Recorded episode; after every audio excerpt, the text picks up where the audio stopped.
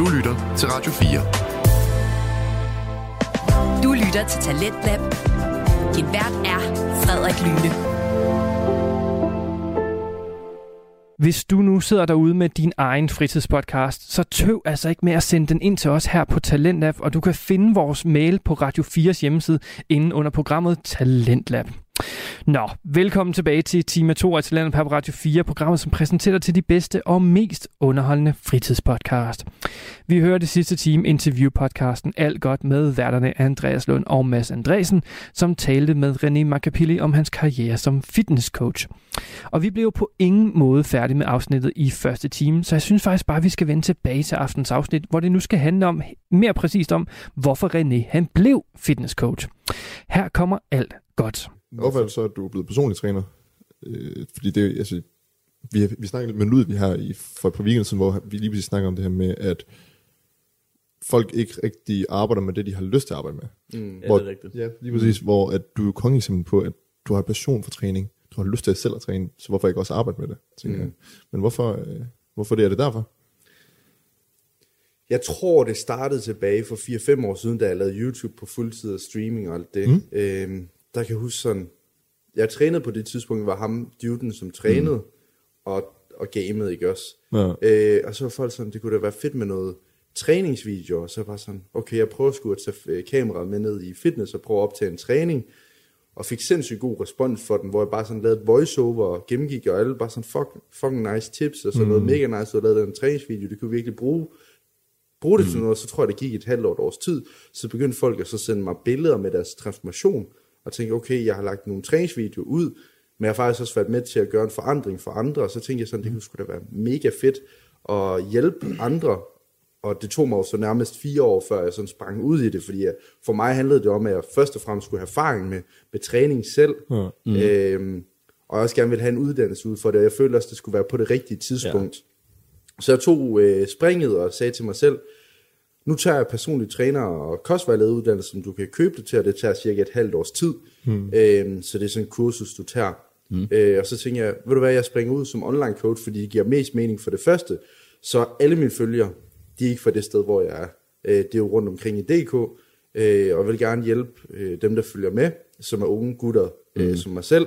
Og jeg tænker, det er jo dem, jeg inspirerer øh, til ligesom at gøre noget godt for dem selv, om det så er tabe sig eller bygge muskelmasse, ikke også? Og så var jeg bare sådan, for to år siden, nu springer jeg ud, som det efter jeg havde taget øh, PT og kostvejlederuddannelsen der. Så det var egentlig sådan, det startede for 4-5 år siden tilbage i tiden med, med YouTube, hvor jeg bare havde lavet øh, træningsvideoer. Jeg lavede gamingvideo, men lavede lidt træningsvideoer, og så var folk bare sådan, det er da mega nice det der.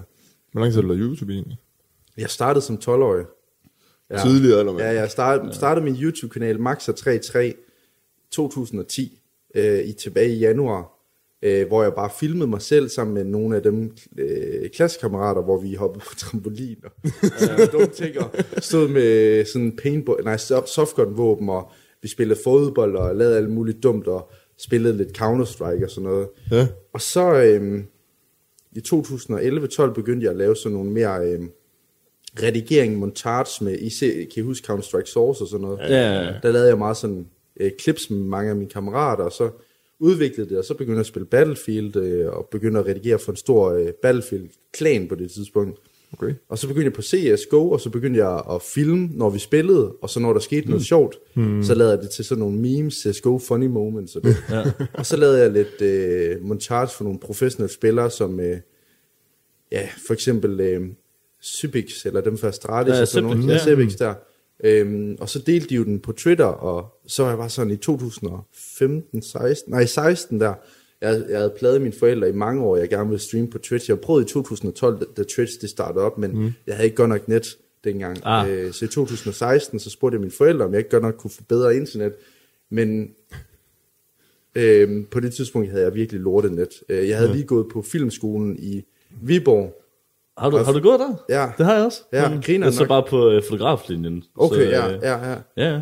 Øh, men jeg var på grundforløb 1 på det tidspunkt, Ja. ja. og skulle på grundforløb 2 på medieskolerne, var til mm. optagelsesprøve, og så sagde han sådan, ved du hvad René, du er simpelthen ikke gammel nok, så kom igen efter en gymnasial uddannelse, og det var så i januar, jeg var sådan, jeg, kan- jeg kan jo ikke starte på nogen uddannelse nu, jeg kan ikke starte på gymnasiet, det er først efter sommer, mm. så jeg var bare sådan, ved du hvad, nu er det nu, jeg skal streame, jeg sagde til mine forældre, nu skal jeg fandme have noget fibernet. og så jeg startede med at streame, og jeg streamede 65 dage i streg, og efter tre måneder, så havde jeg Twitch-partner. Øh, og jeg startede faktisk på samme tid øh, som Jack Styler det, mm. Øh, og fik øh, Twitch, eller subscriber-button dengang, på det tidspunkt der. Okay. Og så begyndte jeg jo bare at streame, og så puttede jeg meget af mine streaming highlights for min Twitch op på YouTube, og så var det egentlig bare sådan, at min YouTube, den ligesom også voksede. Ja. Øh, I starten med CSGO, og så, så startede med Fortnite, ikke også? Ja. Øhm, og så, så stoppede jeg her for to år siden med det, og så gik jeg jo så all in på coaching, ikke også? Mm. Så det er sådan kort fortalt min vej Ja, okay. igennem det hele. Ja. Øh, ja. Men øh, oplevede du aldrig nogensinde noget sådan tabu sådan i folkeskolen og sådan noget med, at du, du lavede det? Fordi jeg nemlig også selv kørt YouTube og oplevede rigtig meget tabu. Også da jeg så begyndte at streame. Ja. Ja. Og sådan, så gik alle ind, og så øh, og sådan, haha, er sådan, og så sidder du lige og streamer Ja, ja, og ja. sådan noget. Jamen, det, jo, det var... Jeg tror, jeg var god til at kringle den over til sådan mere noget sjovt. Kan, ja. Altså, da jeg gik på gymnasiet og sådan noget, øh, jeg har altid været ham den sjove i klassen og sådan noget, og altid, været, altid sådan, kunne med alle. Mm. Øhm, men folk, de var gode til sådan at sige, øh, "Ah, jeg- hvad, altså, jeg ved ikke, de gjorde jo lidt grin med, med streaming og det der, men alligevel ville de gerne være med på streamen, når jeg sad og gamede CS og sådan noget. Øhm, de synes jo, det var fedt nok, men der var også nogen, der sådan kommenterede på, at det var sådan lidt underligt, og hvorfor gjorde jeg det, og så videre. Ja, øh, men det vil der altid være. Jeg føler altid, at folk de har lidt ondt i røven nogle gange. Så måske... Mm. Ja, sådan, jeg tror til at starte med meget, så er folk sådan, Ja. haha. Ja. ja. Og på, allerede i anden HF, ikke, der kunne jeg jo begynde at leve af det, og så kunne de jo godt sige, okay, fedt nok alligevel, ja. og så ville de jo gerne være med. Hmm, Men det er jo sjovt, når man ikke altså starter fra bunden af, så mm. er folk bare sådan, haha, det ja. får du ikke succes med, og sådan noget. Men så, så snart man har fået succes, så er folk sådan, åh, Ja, kan jeg ikke være med, og sådan noget. Det er sjovt, hvordan folk ligesom mm. ændrer sig den her gang. Jeg tror, jeg tror stadig, det er sådan en ting, at Ja. Det er det. folk, måske, de, jeg tror ikke måske, de griner så meget med det, men jeg tror med, at de sådan snakker om, wow, har, har du set ham, der han gamer? Har du set, at han har en YouTube-kanal? Ha, ha, ha, ha. Mm, men så snart det begynder at gå godt, så snart at det går fremad, Mm. så kommer de tilbage og sådan, ej, det er sejt, godt ja. arbejde og sådan noget, og det er Ja, ja, fedt nok, men så vil de sådan kende sveden først der. Mm. Mm. Det, det er jo her forkert. Ja, og Ja, helt heldigvis vildt. så er det meget mere accepteret nu, end det Ja. var sådan, altså dengang du Ja, startede. for 5, dengang- 6, 7 ja, år sådan, ikke? Altså, jeg, jeg, jeg kan huske, altså, alle folk, de synes, det var det sjoveste, det var, det var bare, altså... Ja, det og det kæmpe- der. Ja, me, det var mega kikset, Ja. fordi det var bare ikke så stort endnu. Ja, ja. Men det er jo så stort nu, at du også nemt kan leve af det i Danmark, og Ja. det var svært på det tidspunkt. Lige præcis. Så det er sådan, Jeg tror også, det er sådan, jeg har meget fået så mange kommentarer, også fra mine forældre, og sådan noget, du skal jo til at have uddannelse, du Ja. skal til at have, mm. du skal til at tage dig sammen, og sådan nogle ting der, men da jeg sådan begyndte at vise, at jeg kan faktisk godt leve af det, og jeg flyttede min egen, eller flyttede lejlighed sammen med min mm. ekskæreste, og sådan nogle ting, så kunne de godt se, okay, han køber også sin, sin egen bil og sådan noget, han kan faktisk godt få det til at køre rundt, Ja. mm. øh, og der var jeg jo kun 18-19 år på det tidspunkt, ikke? Øhm, Ja. så, så altså det startede jo i bund og grund aldrig, fordi at jeg tænkte, nu skulle jeg leve af det. Mm. For i 2010, der var sgu ikke nogen, der levede af YouTube og streaming og sådan noget. Der var det ren og skær, bare fordi jeg synes, det var fedt at have et kamera og redigere. Det kunne jeg jo godt lide, det var derfor, jeg gjorde det.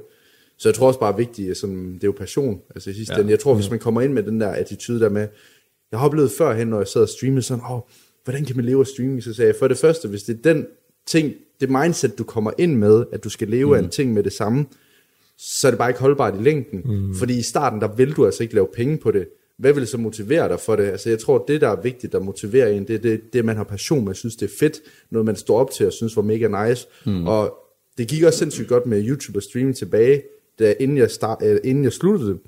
Men det sidste halve år kunne jeg mærke på mig selv, jeg havde der stå op, fordi jeg havde lagt den her standard med, at jeg skulle uploade en video hver evig eneste dag, jeg skulle streame 5-6 gange om ugen. Når jeg sad til en fødselsdag, så skulle jeg tænke på idéer, hvad kunne jeg lave content til dagen ja. efter? Altså, der var så mange ting, jeg gik glip af på det tidspunkt, fordi mm. at jeg hele tiden sådan, og du ved, jeg er sådan mega forstyrret på en eller anden måde, øh, og så er jeg bare sådan, det dur simpelthen ikke det her, altså, mm. det er nu, jeg skal hoppe ud i noget med træning af det, fordi jeg brænder så meget mere for at træne, jeg brænder så meget mere for at hjælpe andre, mm. øh, og der var jeg bare sådan, nu stopper jeg med det. Jeg har virkelig nyt den tid som streaming og YouTube. Det var virkelig, virkelig fedt. Ja.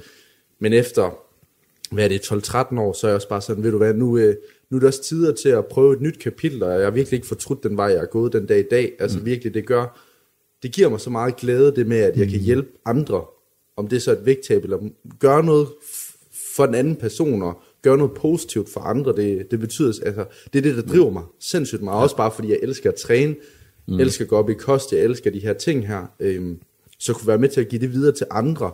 Det er sindssygt given, synes jeg. Og så det fede er jo, det er online. Jeg kan arbejde hvor som helst. Jeg har lige været i Dubai, jeg har været i Thailand, jeg kan rejse til Spanien i morgen, hvis jeg har lyst.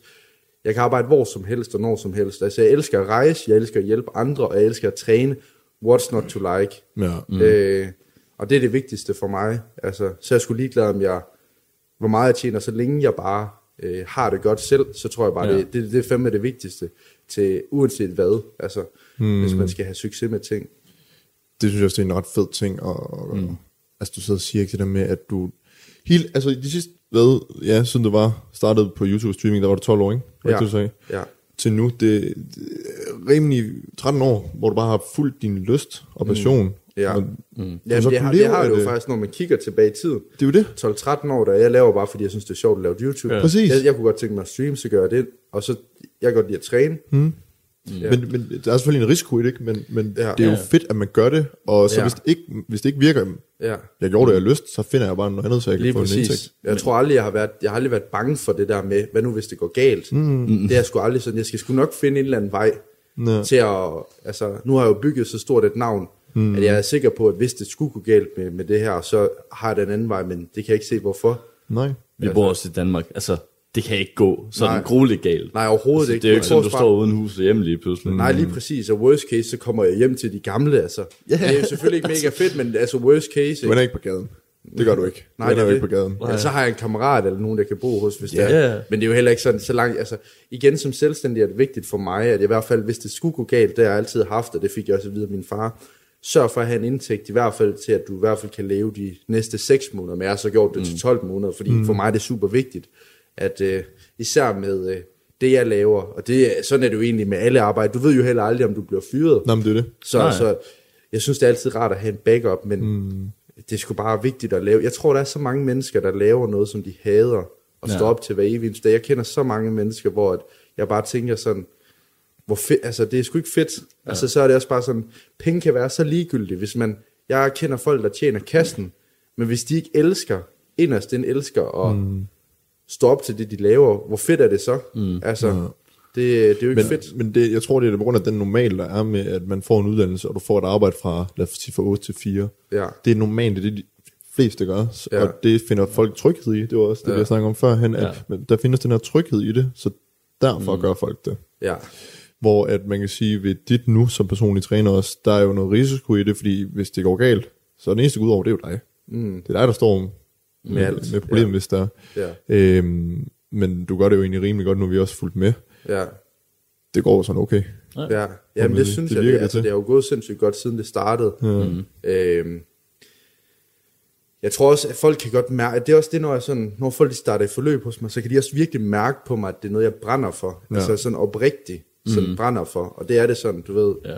Øh, og jeg tror bare, hvis det er noget, man brænder for, man er så drevet af det, så, skal, så tror jeg uanset hvad, så går det godt. Det er i hvert fald sådan, jeg har følt, det altid har gjort. Mm. Da jeg havde det bedst med YouTube, og jeg nød det og sådan noget, det var også der, hvor det gik bedst for min YouTube-kanal. Ja. Da jeg elsker at streame, og, altså det var også der, hvor det gik bedst. Mm. Øhm, der er no doubt, der var lige, da mig og min ekskæreste gik fra hinanden, der var jo sindssygt meget, der ramlede. Jeg havde hus og de her ting her. Mm. Og der havde jeg bare brug for at uh, lige skrue lidt ned, for jeg havde sindssygt meget fart på på det tidspunkt der. Men nu har jeg endelig fået det der drivkraft igen tilbage mm. til, til, mm. til ligesom at finde øh, det, jeg elsker. Så, så jeg tror bare, altså uanset hvad, så er det bare vigtigt, at man bare har den der driv- drivkraft, så skal man sgu nok få succes med det. Det har jo Ja. også taget mig 13 år at bygge Ja. hvor det er dag. fundament, ja, hvor, det er jo ikke bare fordi, jeg får fra den ene dag til den anden dag. Øh, og det har jeg også bare sagt til mange andre, der er selvstændige. Jeg skal jo ikke regne med, at day one, så øh, har jeg succes med det. Altså, mm. det tager tid at bygge op, og mm. folk ser ikke øh, behind the scenes på, Der er meget. Ser hvor ikke, meget der tid, man jeg har brugt. altså. Ja, altså, jeg har brugt, der er fandme mange timer, jeg har brugt, hvor jeg slet har tjent 0 kroner. Ikke? Mm. Øh, så det gjorde jeg jo i starten, i mange første år. Og det er det. Øh, og det skal man jo også kigge tilbage til. At, men folk ser kun Ja, ja. nu. Mm. De ser ikke, hvad der var før. Nej. Øh, Ja. Så det har også taget mig 13 år at bygge det, som jeg har den dag i dag, ikke? Apropos øh, det her med behind the scenes, behind the scenes Ja. ja. øhm, fejl, nu tænker jeg mest i forhold til, du er personlig træner, du har et ansvar over for dine klienter. Ja. Har du ikke nogle gange lavet nogle fejl, det tænker jeg, at de fleste har, men Ja. hvor du sådan virkelig tænker, øh, måske jeg skulle have givet lidt mere her, måske skulle jeg være lidt mere til stede i personen. Ja. Har du prøvet det før? Altså sådan, sige, Altså der, med, dum, med, der dummede jeg mig. med en klientagtig. Ja, præcis.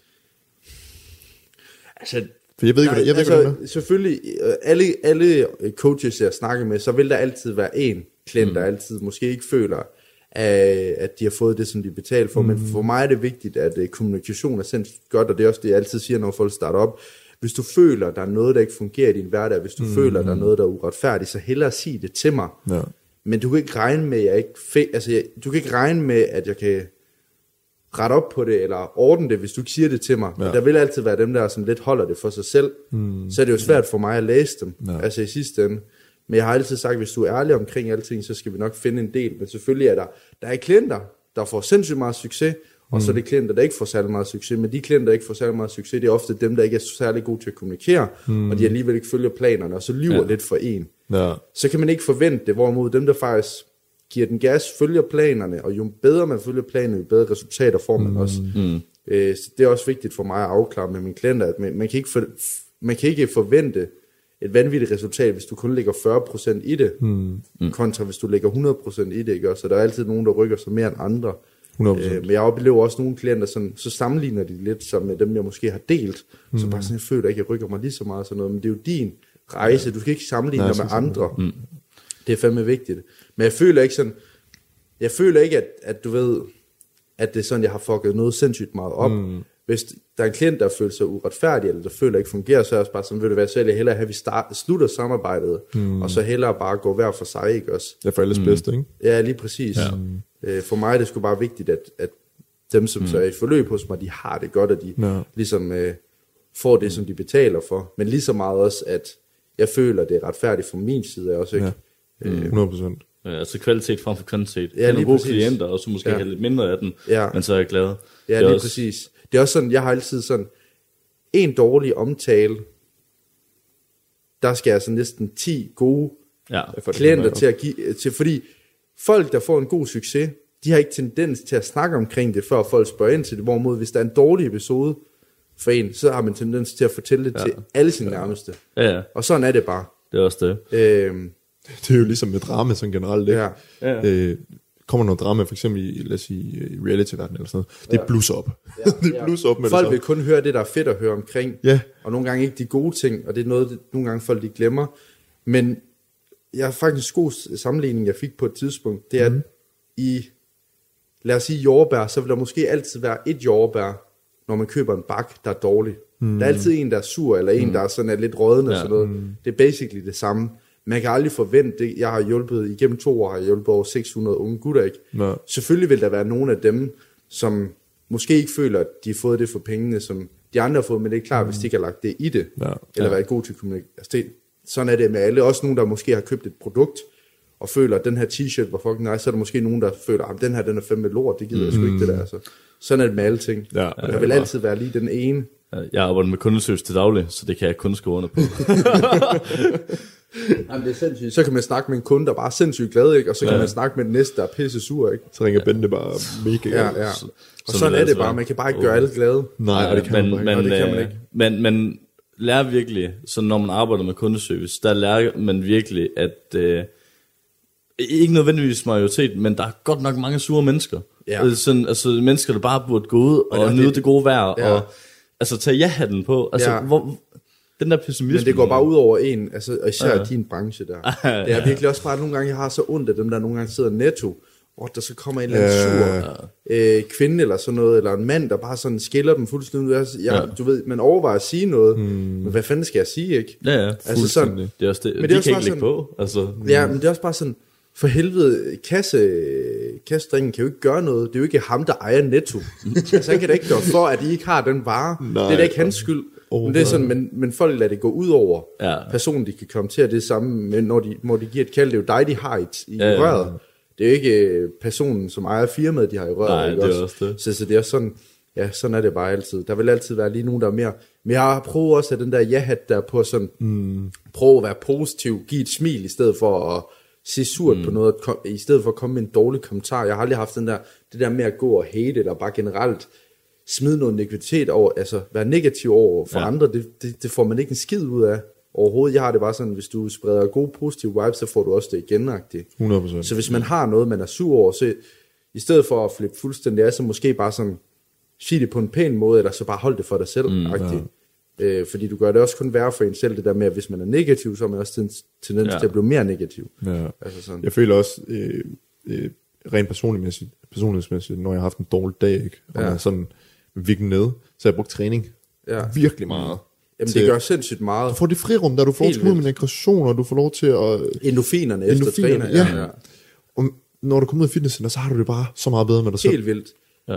Jeg har et godt eksempel, jeg kan huske. øhm, om- Jeg havde arbejdet en hel dag, og var helt smadret, og skulle træne Ja. der klokken halv ni om aftenen, og tog op og træne. Jeg magtede egentlig ikke, men jeg tog op og træne, og endte faktisk med efter træning, så havde jeg mere energi. Ja. Så det giver os bare, altså jeg er sådan, du ved, et godt budskab, eller sådan, det der med dovenhed, skaber virkelig mere dovenhed. Ja, altså sådan, du ved, og energi, det genererer bare mere energi. Det, det er jo det, træning gør. Det gør sindssygt meget, det der med, at jeg synes, det, er- det er et fair pla- øh, place for alle. Altså sådan, 100%. det, som du lægger i træning, det får du igen. Ja. Ja. Hvor var det, jeg hørte? Jeg hørte lige præcis en eller anden gut Det- sige det med, at, øh, Jamen, det er sådan engelsk. ja, at, det, at, at fitness er det mest færre sted, man kan komme, fordi det, du giver, er det, du får. Mm. Du får ikke mere, du får ikke mindre, du får Nej, lige, lige præcis, præcis. det, du som giver. du ligger i det. Ja. ja. Men, og det er bare så rigtigt. Ja, ja. Men mindre du er sådan en trælsen, der bare har ekstremt gode gener. Det er Altså dem det. der, der sådan kan, Ja, ja. kan tage, altså drikke tre øl, og så, eller Ja, tage det- med tømmermad, og så løbe et maraton dagen efter. Ja, det er. Det er der altid. Der er lige den ene procent der. Ja, og det er der bare. Ja. Men, men det er sådan, det er et fair pl- place. Ja, altså Fuldstændig. Hvad bruger du egentlig fitnesscenter personligt til nu selv? Som er det stadig som Sådan, jamen altså lige nu, øh, jeg, øh, planen var, at jeg skulle stille op i øh, Men's Physique øh, Classic Bodybuilding. Okay. øh, til noget, der hedder DFNA, og det er en naturlig forbund. Jeg har jo trænet 10 år, jeg har altid overvejet at gerne vil stille op, Ja. men jeg- jeg har aldrig vil tage det til næste niveau i forhold til at begynde at krutte de ting der. Mm. Og jeg har også kammerater, der krutter og sådan noget, men det er bare ikke min målsætning i forhold til det. Jeg kunne godt tænke mig at stille op, og der er DFNA, jeg synes, det er fedt øh, forbund. Jeg er faktisk en del af Naturlig Atlet her, hashtag reklame. Sådan. Super nice øh, gutter, som øh, tre ja. gutter, der har, som kører øh, naturligt atlet med en masse fedt tøj af det. Mm. Øhm, og jeg synes, det er fedt, det her DFNA. Jeg skal ned og se det her om seks uger. Ja. Øh, har faktisk sådan, også en ven, der skal stille op. Så det er sådan, ligesom den, øh, den målsætning, jeg sådan jagter lige nu, det er at prøve at komme op på scenen mm. øhm, til Ja. næste år. Ja, Hvad så med dig som person? Hvorfor bruger du fitness? ja. Ja. Okay, altså, jeg tror vigtigst er det så, at jeg nyder jo at træne, og mm. jeg tror det der med at udvikle mig selv, altså det her med at have sit frirum, men også lige så meget det der med, at man har community, jeg er jo meget sådan, jeg er selvstændig, jeg er meget derhjemme, mm. så det der med, at man lige kan komme ned og se, uh, se gutterne ja. Lige snakke mm. med dem og være social dernede, og så presse mig selv og udvikle mig selv. Jeg kan godt lide det der med at blive bedre og stærkere over tid, og mm. det her med, at efter en træning, så har man det bare bedre. Jeg føler også, for eksempel i coronatiden, der fandt man virkelig ud af, hvor meget træning det egentlig gjorde for ja. en. Ja, jeg kan huske, sindssyg. når jeg sad, jeg, jeg føler lidt, at jeg havde slet ikke lige så meget energi, når jeg sad foran computeren. Mit overskud generelt på dagligdagen, mm. var, min glæde var dårlig, mm. og jeg havde så meget øh, drive, når jeg træner. Altså det giver mig så sindssygt meget energi, Ja. som vi også snakkede om tidligere. Altså energi, det genererer bare mere energi. Og jeg tror også, en af de ting, som jeg synes er nice ved træning, det er også bare det her med, at at hvad hedder det, altså det der fællesskab, man får. Altså jeg har fået så sindssygt mange kendskaber, men nok den vigtigste ting, det har også lært mig motivation og disciplin. Mm. Det her med, at jo mere du lægger i det, jo mere output får du også. Mm. Og det er det samme med alt. Jeg har det sådan lidt, hvis du vil have succes med ting, så kræver det også, at du lægger tiden i det. Og det, det er lidt det, som jeg altid sådan bruger træning til, at jeg har fået succes med træning, fordi jeg er blevet ved, været consistent. Hmm. Jeg, jeg blev ved med YouTube, og det tog mig jo næsten 7-8 år, ikke? Ja. Og jeg blev ved. Mm. Så, og det, det er sådan lidt, du ved, det har givet mig sindssygt meget selvdisciplin. I, mm. ja. Jeg tror virkelig, træning det giver meget selvdisciplin. Er du vanvittig, mand? ja. Jeg har, øh, jeg har sat mig et mål. Øh, vi snakker om kort inden det med ekstreme mål. Ja. Ja. 400 træninger i løbet af et helt år. Okay. Og det er fuldstændig sindssygt, men det er simpelthen på baggrund af, at jeg tror, at hvis man sætter sig et ekstremt mål, rent fysisk, Ja. så kan du omsætte det til, at du kan gøre noget ekstremt rent psykisk. Mm. Så for eksempel hvis jeg siger, jeg er doven dag, jeg magter seriøst ikke gøre noget, Ja. men jeg har vendet mig til, at hver dag skal jeg op og træne Ja. i minimum en time. En time. Jamen, hvis jeg kan det, så kan jeg også overskue og skulle forberede noget podcast, eller jeg skulle kunne overskue uni, eller jeg skulle ud og spille. Jeg er også DJ ved siden af, så jeg skulle ud og spille om aftenen. Det kan jeg også godt overskue, fordi jeg Ja. gør alt det her lige hver dag. Ja, Den selvdisciplin, det giver, ja, gør jo bare, at man får det der overskud af energi lige præcis. til at gøre det andet, Ja. ja. som man ellers laver. Ja, men det er jo det er også fedt at sætte nogle målsætninger. Ja. Det er fandme vigtigt.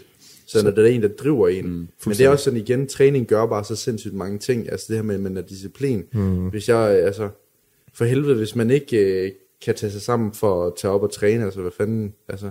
Der er jo ikke nogen, der siger, at man skal gøre det altså 6-7 gange om ugen, men Der er jo heller ikke nogen, der siger, at du skal gøre det.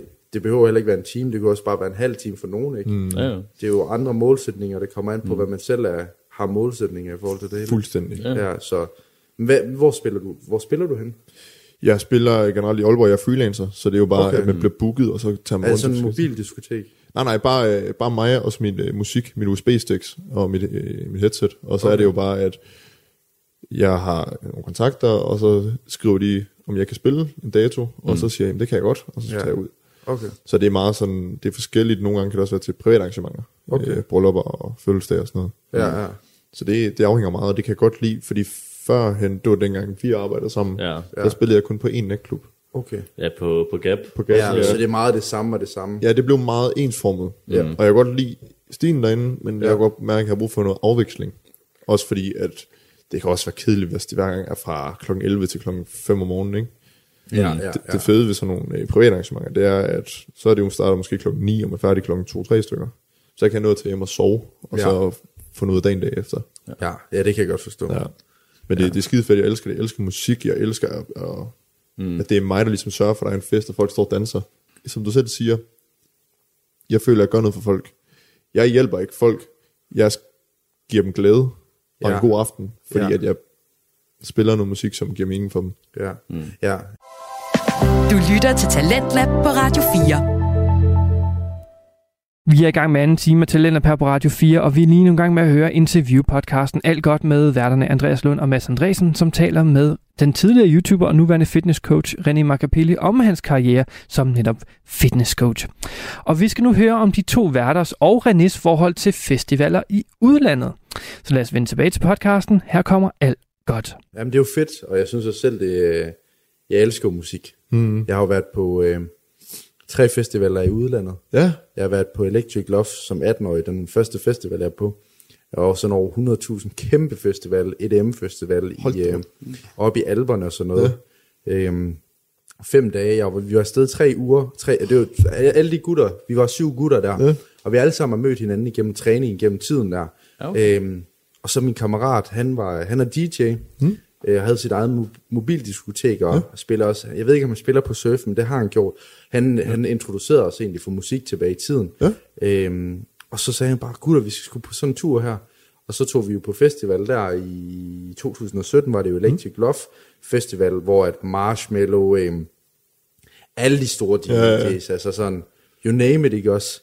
Øhm, fem dage, hvor det bare fuld smadret, og så tog vi øh, til Sochi Beach, som mm. minder lidt om Sunny Beach, men bare lidt federe. Ja. Hvor der er en masse klubber, top 14 diskoteker blandt andet, og så videre, nede langs en strand, ikke? Okay. I Kroatien, og vi fyrede den af der, og så var vi i, i Bulgarien, nej, i Ungarn der, mm. i Budapest, og så i 2019, lige inden corona, så var jeg på en festival, øh, Balaton hedder den, mm.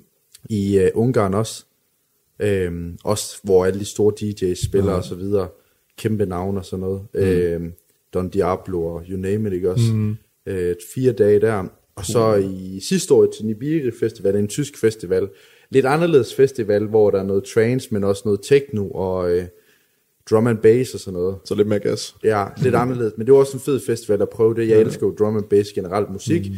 så jeg synes det er fedt, øh, fedt øh, at tage med, og især i udlandet, det er lidt federe mm. end herhjemme. Jeg Det er lidt mere hardcore.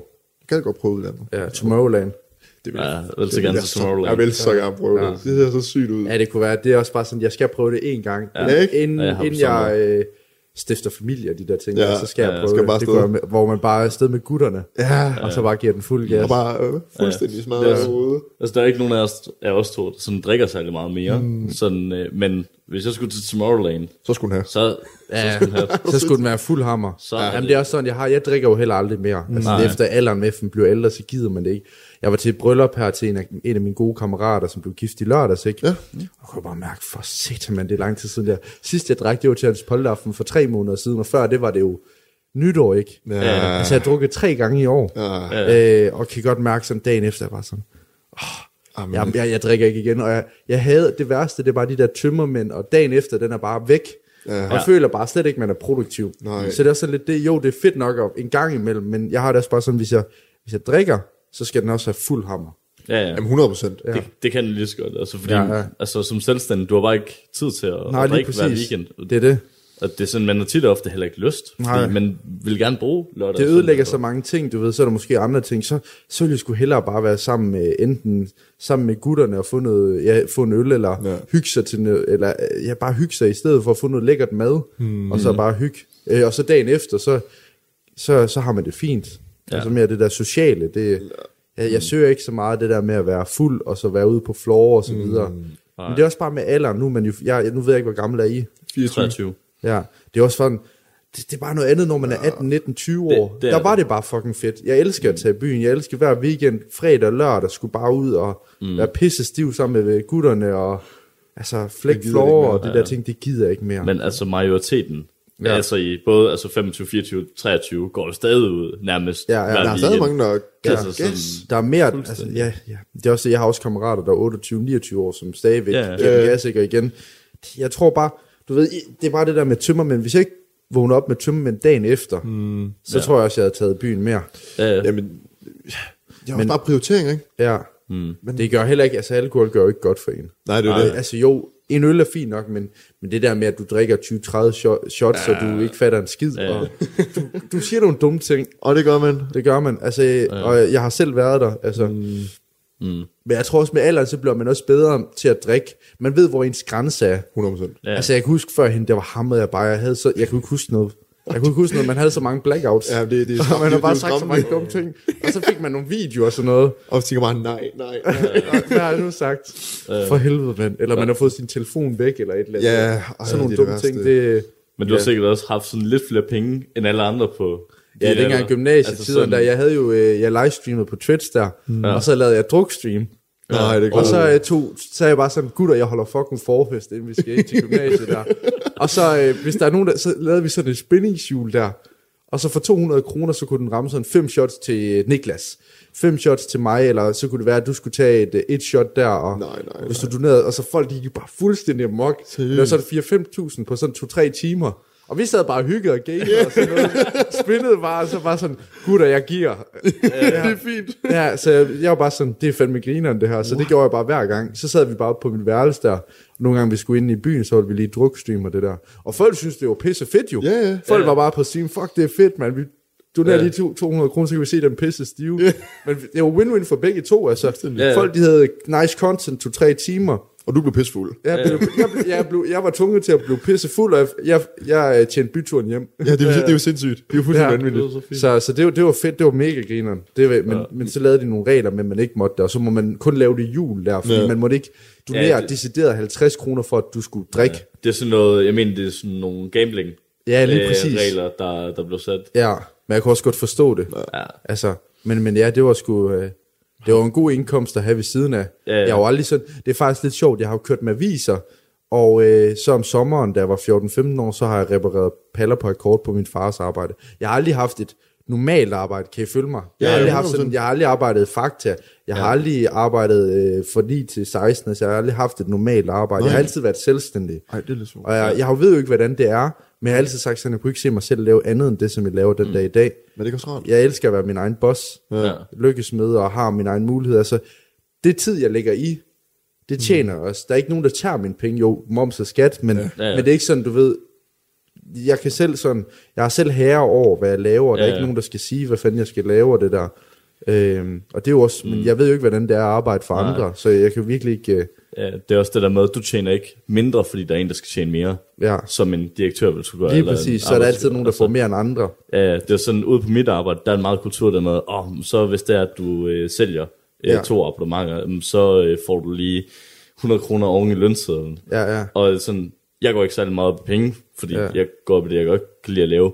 Ja. Men jeg vil så sige, når det er, at jeg tjener penge, så går jeg også op i, altså, at, det så, at jeg får noget ud af det. Ja, ja. Så jeg, jeg bliver på ingen måde boostet af det der med, at "Am, så vinder du lige 100 kroner. Ja. Altså sådan, fordi jeg er vant til at arbejde for mig selv. Ja. Det gør jeg jo, jeg er freelancer. Ja, ja. Når jeg arbejder for mig selv, så tjener jeg min månedsløn ind på en weekend. Ja. Altså når der er, lige har de rigtige opgaver. Mm. Ja, lige præcis. Så, altså- og det er også det. Men, men jeg tror, jeg kunne godt se, jeg kunne godt se, at der er rigtig mange, især i sælgerbranchen, der kører med det der, øh, Ja, ja. altså sådan, der er performance, øh, Det er motiverende. ja, det er jo motiverende, og så det der med, at folk, de ringer på klokken, sådan, åh, Ja, Rasmus har lige fået et salg. Jeg har heldigvis ikke en klokke. Altså, Men der er det der på skærmen der, så folk de bare hopper ja, op på bordet. Jeg har jo godt set det før, og sådan noget. Når, Det er heldigvis intern Ja, ja, ja. kundeservice med salg. Jeg skal Ja. ja. ikke ringe ud til nogen. Jeg skal ikke være ham, der er den ej, telefon det, det er også det. Der er sådan, det gider man bare ikke være. Og selv strøm.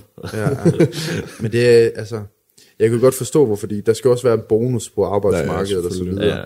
Øh, Ja. Har, har du øh, igennem din tid, nu siger du altså været selvstændig nærmest, har du på noget tidspunkt haft de her ups og især down-perioder, hvor du har tænkt, skal jeg bare droppe det hele? Helt sikkert. Jeg, jeg, ikke som coach. Der Nej. føler jeg altid, at jeg har haft et nice flow. Mm. Øh, men, men, men som streamer og YouTuber, der var jeg sådan meget, ikke på hvad jeg tjente, men meget sådan øh, triggeret af mine visninger. Ja, ja Sådan, jeg kender at- følelsen. Og det, det, er så, det er så sygt, det er. Øh, jeg kunne have et måned, hvor jeg fik måske halvanden million visninger, ikke også på YouTube mm. og så videre. Og så måned efter fik en million, og det kunne sådan virkelig øh, gå mig på. Ja. Øh, jeg så tallene falde og så videre. Også når jeg livestreamer, så kunne det være perioder, hvor jeg sad med mange visninger, og perioder, hvor jeg ikke sad med særlig mange. Mm. Men det var sjovt, når det gik godt for min Twitch, så gik det dårligt for min YouTube. Mm. Og når det gik godt for min YouTube, så gik det dårligt for min Twitch. Så det var sådan mm. lidt... Men jeg blev altid sådan mega meget triggeret af det, sindssygt meget. Mm. Øh, de der tal der. Ikke fordi, at det var fordi, det gjorde særlig meget, men man blev bare triggeret af det sindssygt Nej. meget. Det der med, at visninger var lavere i en periode på ens video, mm. end hvad det var før. Hvad var grunden til det? Hvad skal jeg gøre bedre? Og sådan nogle ting. Øhm, men jeg kan da også godt mærke, at det nogle gange trigger mig. Øh, altså jeg tror bare, det er det der content-gen, det der med, at når du lægger noget ud, når man har været vant til at få mange visninger, så i en periode får dårlige visninger, det samme på Reels og TikToks. Sådan, den her video blev så fucking god, hvorfor har den ikke fået særlig god engagement? Ja. Altså Ja. man har lagt så meget tid i den, og man giver så meget værdifuldt ud. Hvorfor får den ikke særlig meget? Så kan man lægge så random ting op, og så får den bare 10 gange så meget. Det er noget, man har lavet på 5 minutter. Og det er tænker det bare sådan, mærkeligste. det er det, du kan ikke bruge det til en skid, du får et godt grin, men folk vil virkelig se det der, det, TikTok og Reels er lavet på det der 5-10 sekunder. Hvis det ikke er Ja. fedt, så hopper folk fra. Ja. Øh, og det skal være sjovt.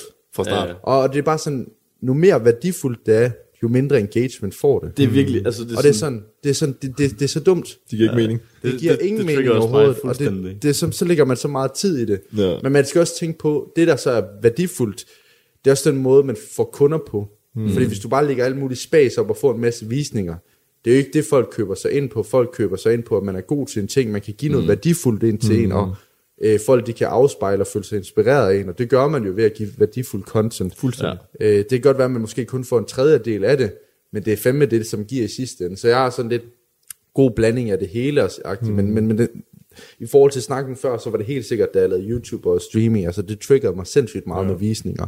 Mm. Også fordi det var det, jeg var performet på i forhold til, hvor meget jeg tjente, og kunne jeg leve af det, og de der ting ja. der. Øh, Men øh, nu, nu, du sagde det der med videoen, ikke? Er der ikke der er også mange personlige trænere, du gør det også selv, det med, øh, hva- hvad man skal, og hvad man ikke skal, hvordan man laver øvelser og sådan noget. Mm. Giver det ikke okay? Sådan, det kan folk jo bruge til ja, noget. det som giver sindssygt godt, det er jo de her hooks her, tre, tre øvelser til store biceps. Det vil Ja. ja. folk gerne se. De er helt oppe at Ja. køre. Ja. Du behøver ikke at spise dårlig mad for at få Ja, gains. lige præcis. Ja, Ja. Øh, eller det her, her et hurtigt nice ret her på 300 kalorier, det elsker folk også. Mm. Altså noget med mm. mad og sådan top 3 øvelser, det giver sindssygt godt. Øh, en træningsvideo kan give okay, mm. men det er mere sådan, du ved, åh, især arm, når det er sixpack og arm, det vil de høre. Men hvis det er sådan, åh, jeg har, her er en ny fucking bentræning, du skal prøve, så er folk bare sådan, Det skal ikke se. Så det er sådan lidt, du ved, må- det er også klart, at min målgruppe, det er unge gutter, de skal mm. bare øh, se godt ud, ikke? Altså, Ja, de er næsten ligeglade med, hvor tynde ben de har. De Ja, bare have nogle gains. Så, så det er det, altså det er meget sådan, det der med, det skal være hurtigt, og det skal være noget, som de kan relatere til. Ja. Ja. Men er det så vigtigt, at jeg føler, at øh, skal også på, hvad jeg siger. Jeg føler generelt set, personlige træner altid siger, at du skal lave øvelsen lige præcis sådan her, for at få noget ud af det, og du skal gøre det lige præcis sådan her, og du skal have graderne sådan her. Ja, ja. Ej, jeg, Skal jeg man føler, det? Nej, men jeg føler også, det kan blive for nørdet. Ja. Kan du følge mig? Det er også sådan, fair nok til mig på mit niveau, så er det vigtigt, at jeg virkelig sådan får, altså, får, får det hun, altså, kørt mm. så godt, som jeg kan, men hvis du er ny og sådan nogle ting, så har jeg bare sådan, lær det basic. Lær, hvordan du træner. Fuck nu det, om det lige er, du ikke lige kommer en centimeter dybere mm. ned, eller du kører i den her retning i forhold til den vinkel, mm. hvordan du rammer øh, selve den her lat, altså hvordan du rammer selve øh, ryggen bedst og sådan noget. Det, jeg føler nogle gange, folk de kan nogle gange øh, skyde det ud til at være øh, noget, som unge gutter måske ikke har behov for at vide den dag ja. i dag. Mm. Jeg har det også bare, keep it simple. Ja. Øh, det er jo fedt for dem, der gerne vil nørde ekstra meget, men nogle gange, så er det jo ikke fordi, det er, som, det er måske s- 0,1 procent, det giver ekstra. Ja. Det er jo ikke fordi, at øh, Rasmus på 15 år skal lære at eksekvere en øvelse til punkt og prikke. Jeg tror bare, han skal bare læ- lære dig basic, hvordan squatter man, hvordan bænker man og alle de ting, og så skal tingene nok komme. Ja. Mm. Altså, øvelse gør mester. Hvis du kører en øvelse over tid, så bliver du også bedre til den. Mm. Øh, så det, jeg tror bare, vigtigst af alt, det er bare, at man har det her fundament. 100%. Mm.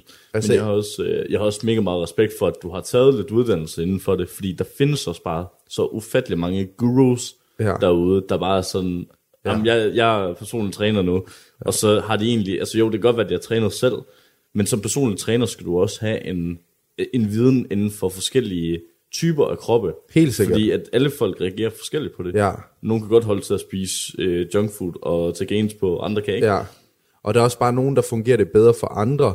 Altså, det er virkelig, vi er så forskellige som mennesker, og det er også vigtigt mm. for mig at afstemme med nogle af de klienter, jeg har, fordi mange har forskellige målsætninger osv., og, og nogle fungerer det sindssygt godt med en kostplan, nogle fungerer det mere med måske, at vi bare skal have et madmønster, hvordan hvad, og nogle, der kan de bedre lide at track kalorien og så videre. Mm. Vi er meget forskellige fra person til person, mm. og der er heller ikke, jeg siger også til mine klienter, prøv at du skal ikke træne 5-6 gange om ugen, du kan sagtens skabe resultater ved at træne 3 gange om ugen. Ja. Mm. Så nogle gange det der med, at øh, mere, vil, at mere er nogle gange ikke bedre. Altså det skal også være noget, der er holdbart i sidste ende. Mm. Hvis du i sidste ende ikke kan, du sætter et mål for at træne 6 gange om ugen, hvis du alligevel træner 3 gange om ugen, hvorfor så have 6 træninger og være mega sådan øve over, oh, jeg fik kun 3 træninger i hus, og jeg fik kun 4 træninger i hus, så hellere start lavt, og så kan man altid øge. Sådan hellere, altså sådan, det handler ikke om at starte voldsomt ud til at starte med, hvis man, man bliver også nødt til at være realistisk Ja. i forhold til sin målsætning. Ja, lige Ja, ja. præcis. Find Det er ikke fordi, du kommer til at ligne uh, Arnold Schwarzenegger på, uh, på en uge, altså.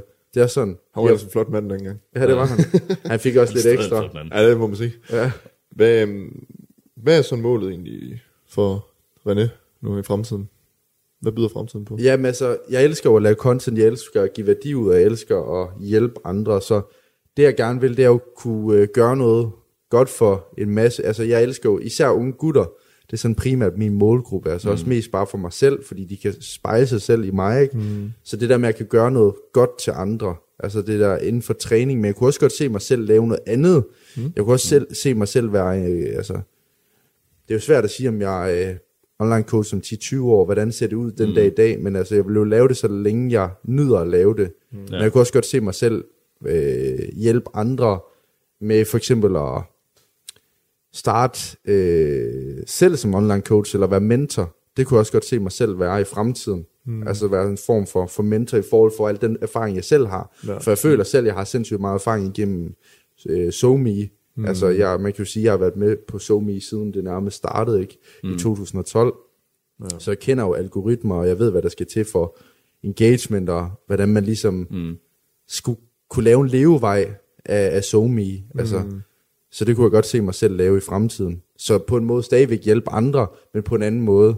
Altså ja. det, det, jeg, har, jeg har sindssygt meget passion for det. Ja. Det der med at se andre få succes med noget, som jeg hjælper dem med. Ja. Det sådan giver selv mig sådan en form for succes, ja. mm. hvis man kan sige det på den måde. Har du øh, sådan lige her på falderæbet, vi har faktisk ikke så meget mere, men har du sådan lige på falderæbet øh, nogle råd til dem, som måske har lidt svært ved at komme i gang, ikke? Altså dem, som virkelig bare sidder der, og tænker, jeg er rigtig gerne i gang. Jeg er egentlig også tilmeldt et fitnesscenter, men jeg kan ikke helt få mig til at gå op. Helt sikkert. Altså, jeg tror først og fremmest, øh, rigtig mange, de tror fandme, at de skal vide alt, når de kommer ned i fitnesscenter. Det var mm. jeg også bare sådan selv, og man er meget usikker ned, når man kommer først day first i, i fitnesscenter i kæmpe jungler. Hvad fanden skal vi køre det her? Skal vi køre det her? Skal vi køre det her? Jeg tror bare, øh, prøv at få hjælp fra en, eventuelt en ven, eller nogen du kender, eller få, søg professionel hjælp.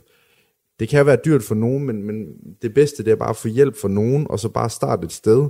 Ja. Mm. Få, få, få tilrettelagt et, et træningsplan at køre efter. Mm. Jeg tror, det er i hvert fald det, jeg oplever sindssygt meget for nybegynder, det her med, at de har en plan at gå ud fra, når de kommer ned i fitnesscenteret. Så føler de sig lidt mere sikre. Det er det samme at komme ned i, at du skal handle og sådan noget. Hvis du ikke form har en plan eller liste, ender du bare med at gøre, så køber du alt muligt. Mm. Så det er rart at have en plan, når man ja. kommer ned i fitnesscenteret. Så vær lidt forberedt. Ja, forberedt. En god ting. Ja. Øh, og det er okay at få hjælp. Vi alle sammen starter et sted. Det er det samme som at være selvstændig. Det der med øh, økonomi og det her med øh, skatter og lige der ting. Det er jo, man ved, man kan jo ikke ind til det, så det er okay at søge hjælp. For eksempel, at man får hjælp hos en revisor. Lige så meget er det okay, at man får hjælp til træning.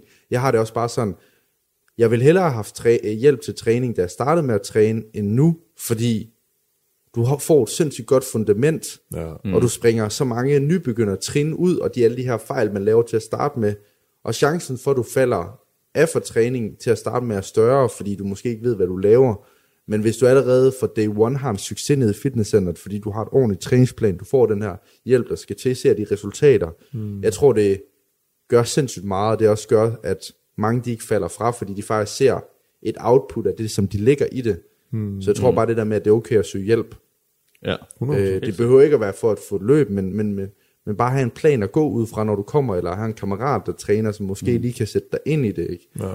Det, øh, det gør sindssygt meget, i stedet for at man kommer ned i fitnesscenter helt alene, og jeg ved, altså, altså virkelig ikke ved, hvad man skal, ikke også? Ja. Det er Det, til måske at sparke en lidt i gang også. Ja. Ja. den der. Og det handler måske ikke om, at alt det bare skal være en point med træning, kosten. Det er bare det der med, at du ved, okay, kom ned og træne, og du har et eller andet at gå ud fra. Ja. Og så skal du nok over tid blive bedre til det. ja. Og nogen, der gør det med. Altså, det er jo også Ja, ja, bare vigtigt, præcis. man kan gøre, altså, gøre det til en god vane, og det er nemmere at gøre, når der er, man gør det sammen Ja. med folk. Ja, lige præcis. Altså jeg havde det også nogle gange, jeg kan huske, der var en ung gut, der trænede i Powerhouse, og han havde spurgt, om han kunne køre benpres mellem mig, og det var jo helt fair og så videre, og han var jo mega tynd, han var ikke særlig stor, og jeg tænkte bare, og så sagde han, så sagde han, hvad skal jeg tage i kilo, men jeg kører det samme, og jeg tænkte bare, åh oh, nej, der er no way, han kan køre lige så meget som mig, når han altså, er ny i fitnesscenter, men jeg lå ham bare lige køre der, så kunne jeg se, okay, form var ikke særlig god, mm. og så, i stedet for at sige sådan til ham, du laver den fandme forkert, den her, så sagde han, prøv at høre, jeg har faktisk nogle øh, ting, som kan gøre, at du, du mærker den bedre, og så videre, og så tog vi lidt kilo og viste, og så var bare sådan, tusind tak for det. Ja, og han ja. synes, det var fedt, at jeg ikke bare sådan kommenterede på ham, at du skal gøre sådan her, med det der med at komme med noget, øh, nogle tips til det, ikke også? Mm. Så det er også okay, at hvis man ser nogle nye nede i fitnesscenter, man siger, jeg har faktisk nogle tips og tricks, eller hvis folk de kommer over og spørger og sådan noget, så er jeg også altid sådan, selvfølgelig, altså, 100. øhm, Ja, ja. vi alle sammen starter et sted, Ja, det må man sige. ja. Og det værste, der kan ske, det er sgu en skade. Ja, uha. den der, jeg har lidt skadet af Altså, den. man kommer langt tilbage, altså man bliver skubbet sindssygt langt tilbage ja. på grund af en skade, ikke? Jamen, jeg kan mærke det nu også med min lænd der. Mm. Øh, Har du prøvet at løbe det væk? jeg er jo begyndt at løbe jo. Ja, ja. Og altså, det, Det virker ikke. det virker ikke skid. Nej. det fik jeg Nej, altid for vide. helvede. Det Det er pisserende. Hvornår skete det? Åh, oh, det er en to og en halv måned siden, tror jeg. Mener du det? Ja, det, ja. det gør jeg. Du burde jo gå til læge med det. Jeg har været ved lægen, og han var sådan, Sagde han også, du skulle løbes væk? jeg var sådan, Okay. du skal bare gå, bare gå nogle ture og sådan noget. Ja, og, nemlig. og så har jeg fået fat i det der Voltaren smørelse. Ja. Altså, det bedøver jo bare. Så, så, snart, så snart det er væk, jeg kan da stadig mærke det, når jeg vågner om morgenen. Jeg føler mig sådan en på 40. Nej, det er ikke godt, det ikke. Se, jeg, kan, jeg skal bruge bælte til alt, når jeg bænker, bliver jeg nødt til at bruge bælte, fordi jeg spænder sådan op. Ej, den er slem. Det er fucking nederen. Er sådan, Lænden er også bare et træls sted, fordi det er lige sådan der. Ja, ja. det bærer, det bærer jo alt. Det er bare en disk, disk du har fået. Jeg har fucking på røven. Jeg kan ikke lave noget, når jeg er 45. Ej, mand. Men øh, så ja, det var Ej, fedt, den at jeg nævnte det. Ej, men jeg kender det. Jeg, jeg har selv lavet det, det jeg med døddøft på et tidspunkt for mange år siden.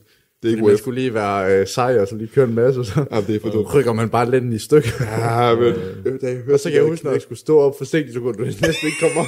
så, så, så skulle jeg så trille ned for at komme op. og, og, på det tidspunkt, jeg bare 17 18 år, og tænker, det her det er sgu ikke normalt. sker det også for andre, det her. og det er så dumt, fordi jeg havde jo ikke, jeg havde ikke, jeg var racklift, så jeg havde ikke lavet racklift længe. Ja. Jeg var sådan, ja, ja, det kan jeg godt, det er. Nå, Det var så det. ja, så nu er det to og en halv måned. Så døde man altså. Og hvad lærer man af det? Ja, Så det var også en uh, fin måde at cutte den her af på. ja jeg, Så- har ikke, øh, jeg har ikke så meget mere. Har, har du noget øh, her på falderæbet? Du, Nej, øh, jo, tak for, øh, tak for, at jeg måtte være med. Selvfølgelig, tak for at du gider, mand. Jamen, selvfølgelig, det er ikke fedt. Jeg har faktisk længe snakket om, at jeg gerne vil være med i en podcast, jeg synes, det Ja. kunne være fedt at være med i en. Øh, så det er fedt, I spurgt. Ja, altså, det, det er sgu fedt lige at... Ja, Jeg håber, du synes om det i hvert fald. Ja, ja. jamen, øh, det, det synes jeg sgu, det er meget chill jo. Det er Det er jo meget det der med bare at snakke sådan. ja. Det Vi det, kender det jo ikke rigtig hinanden, så vi har jo meget at snakke omkring. Ja, det er også det, der det, det er også mega fedt. Øhm, Det er jo hvad gjort med, at det er en sofa, det er sådan rolige Ja. vibes og sådan noget, ikke? ja, lige præcis. Vi gider ikke det der hele opstillet, hvor det bare er kun spørgsmål, og du Ja. skal svare, og vi stiller kun spørgsmål. Ja, Jamen, så bliver det mere sådan en interview. Jamen, det, Ja. der, det, det gider vi ikke. Vi vil gerne have den der flydende samtale, som vi har fået. Ja, Det, lige det, det er også præcis. det, altså, der er fedt ved podcast, det er, at det er en, altså, det er en form for samtale, men Ja. ja. måske med, altså, hvor man, det er en samtale, man lærer noget af. Eller, Ja, ja, lige præcis. Det er værdifuldt. ja, ja, Fuldstændig. Ja, det er det. og folk de måske lærer, nogle af mine følgere, nogle af jeres følgere lærer lidt mm. mere af mig at kende, fordi der er jo mange ting, jeg ikke, altså jeg snakker jo ikke om dem på det er det. Altså. Nej. Det, vi kommer så lidt mere ind på, hvem personen er, hvem du Ja, er. lige præcis. Det, Nemlig. Så det er jo det er fedt. Mm. Jeg håber også, I synes, det var... Ja, ikke ja, fornøjelse, mand. Ja. Fuldstændig. Altså det, jeg synes, det var, jeg synes altid, det er inspirerende at høre folks historier og rejse sådan gennem lyd. Det, Ja. Ja. Og jeg tror, Det er jo det, vi alle sammen har forskellige historier, men ved den jo ikke Det er rigtigt. Det er jo det. Og ofte sådan, så er det inspirerende jo. Ja. Ja. ja. Ja. Jamen, der er jo mange ting, jeg heller ikke selv sådan lige tænker over på dagligdag. Altså, Mm. udover hvis nogle gange folk spørger ind til det, ikke? Mm. Mm. Men så det er jo altid sådan lidt sjovt at tænke tilbage, hvordan fanden var det, man egentlig startede, og hvad fanden ja. Ja. lavede man dengang, ikke? Mm. Så det er sgu meget sjovt. Ja, ja. Altså sådan, Fuldstændig. det at få snakket omkring i forhold til det. Har du noget? Nej, tænker jeg ikke. Så øh, ja, tak for den her gang. Ja. Jamen, øh, Tak for selv tak. Det var en fornøjelse. Det var det. mand. Yes.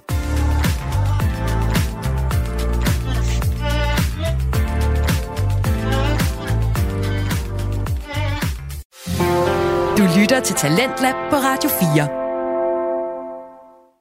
Du lytter til Talenter her på Radio 4, og vi er simpelthen ved at være ved enden på aftens program. Vi har lige netop hørt afslutningen på den meget relativt, eller meget, men den relativt nye en, øh, podcast her på Talentlab, nemlig interviewpodcasten Alt Godt med værterne Andreas Lund og Mads Andresen, som talte med den tidligere øh, YouTuber og nuværende fitnesscoach René Macapilli om hans karriere som netop fitnesscoach.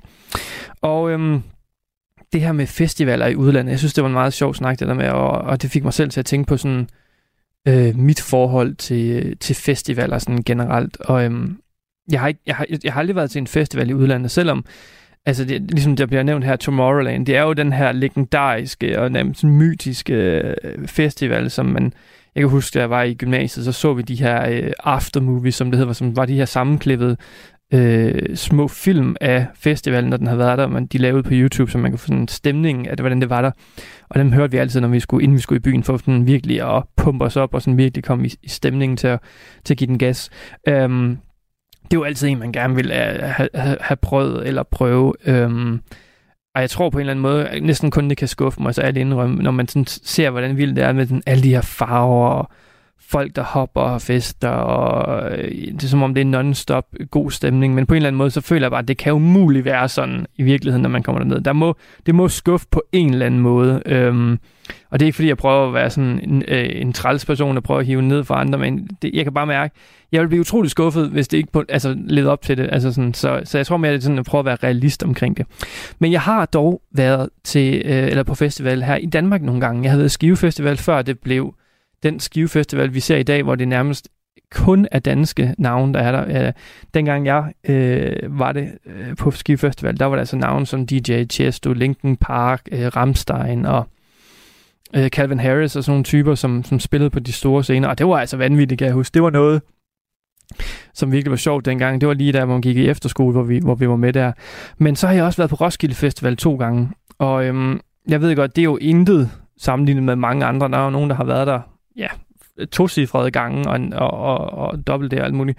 Øhm, men jeg har været der to gange, og jeg tror, det var det, altså sådan for mig at, at komme på Roskilde. Jeg kan mærke, det, det, det, det er simpelthen et svært sted at være, hvis man ikke har det mindset, der skal til for at være der. Øh, og hvad mener jeg så med det? Det er, at hvis man har set Mad Max-filmene, og det er faktisk lige meget, hvilken en du har set af dem, øh, om det der med Mel Gibson eller Tom Hardy eller hvad der er, det er den stemning af anarki, der nærmest er der. Altså, det er så et, et regelløst øh, jeg har lyst til at sige samfund, men det er det jo ikke, men område, hvor folk bare øh, må gøre, hvad de vil. Og det er der nogen, der trives i, det der med sådan, at du skal ikke sige, hvad jeg skal gøre, jeg må gøre, hvad jeg vil, og jeg bliver ikke dømt på det, og sådan noget. Og så er der bare mig, som bare sådan har brug for nogen relativt trygge rammer på en eller anden måde, hvor man er, der er lidt forudsigelighed. Altså det behøver ikke være sådan, at at når jeg kommer gående, at der står en person og tisser den anden person i hovedet, der, der bare ligger helt totalt bevidstløs, fordi han har drukket for meget, at det, det, det, det behøver der ikke være sådan noget. Og det er der på Roskilde, og det har jeg selv oplevet. Og ved du hvad,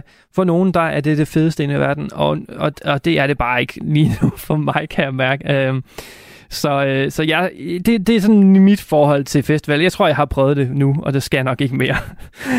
Men altså, ud over alt godt, så har vi altså også hørt fra Oldtidspodcasten Episk Selskab med værterne Frederik Hirsborg, Tobias Bang og den somi ansvarlige Fie 1000. Du kan finde flere afsnit fra begge fritidspodcast ind på din foretrukne podcasttjeneste, og alle Radio 4's programmer, dem kan du finde ind på vores hjemmeside og i vores app. Nu er det tid til nattevagten her på kanalen. Mit navn det er Frederik Lyne. Tak for denne gang. Vi høres ved. Du har lyttet til en podcast fra Radio 4. Find flere episoder i vores app, eller der, hvor du lytter til podcast.